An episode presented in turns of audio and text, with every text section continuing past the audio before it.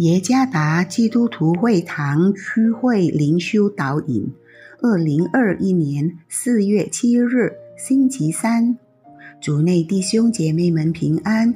今天的灵修导引，我们要借着圣经民数记第五章第六到第七节来思想今天的主题：耻辱的文化。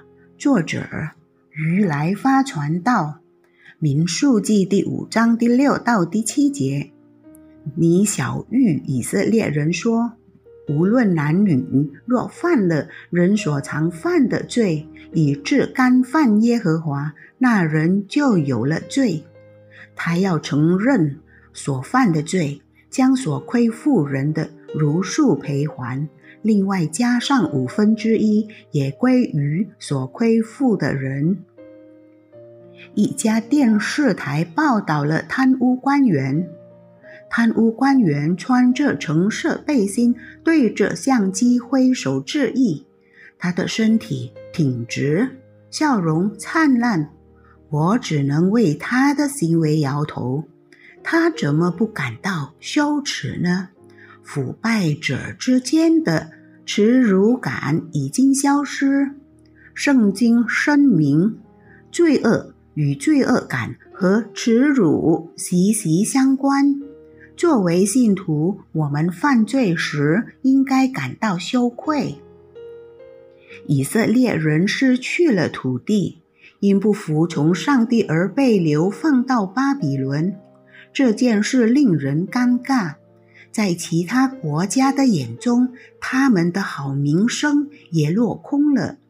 他们感到羞耻，而上帝也感到羞愧。以赛亚描述羞耻为掩面，参看以赛亚书第五十四章第八节。好像以赛亚在说：“如果我们使自己羞愧，上帝也会感到羞耻。”创世纪第三章中的另一个例子，讲述了人类的堕落。在这里，这是第一次诉说害怕、恐惧、害怕和羞耻相结合。他说：“我在园中听见你的声音，我就害怕，因为我赤身露体，我便藏了。”参看《创世纪》第三章第十节。当我们有罪，但却不感到羞耻时，这就很奇怪。我们需要承认我们的错误。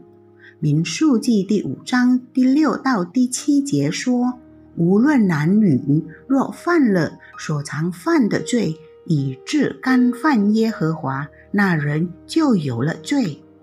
他要承认所犯的罪。”犯罪感和羞耻可以成为个人成长的建设性工具。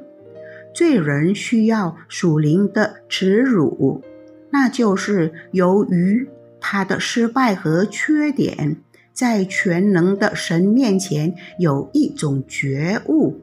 但是在这种羞耻感中，我们也感受到上帝的爱。正在克服我们的缺点，属灵上的耻辱，对于斥责自己犯错以及提醒自己不要再次犯罪是有用的。让我们为自己的错误而感到羞耻。重点不是沮丧的耻辱，而是灵命上的耻辱。我们感到羞耻，在上帝面前承认失败，然后恳求得到复兴。羞愧是上帝恩典范围内有用的情绪。主耶稣赐福。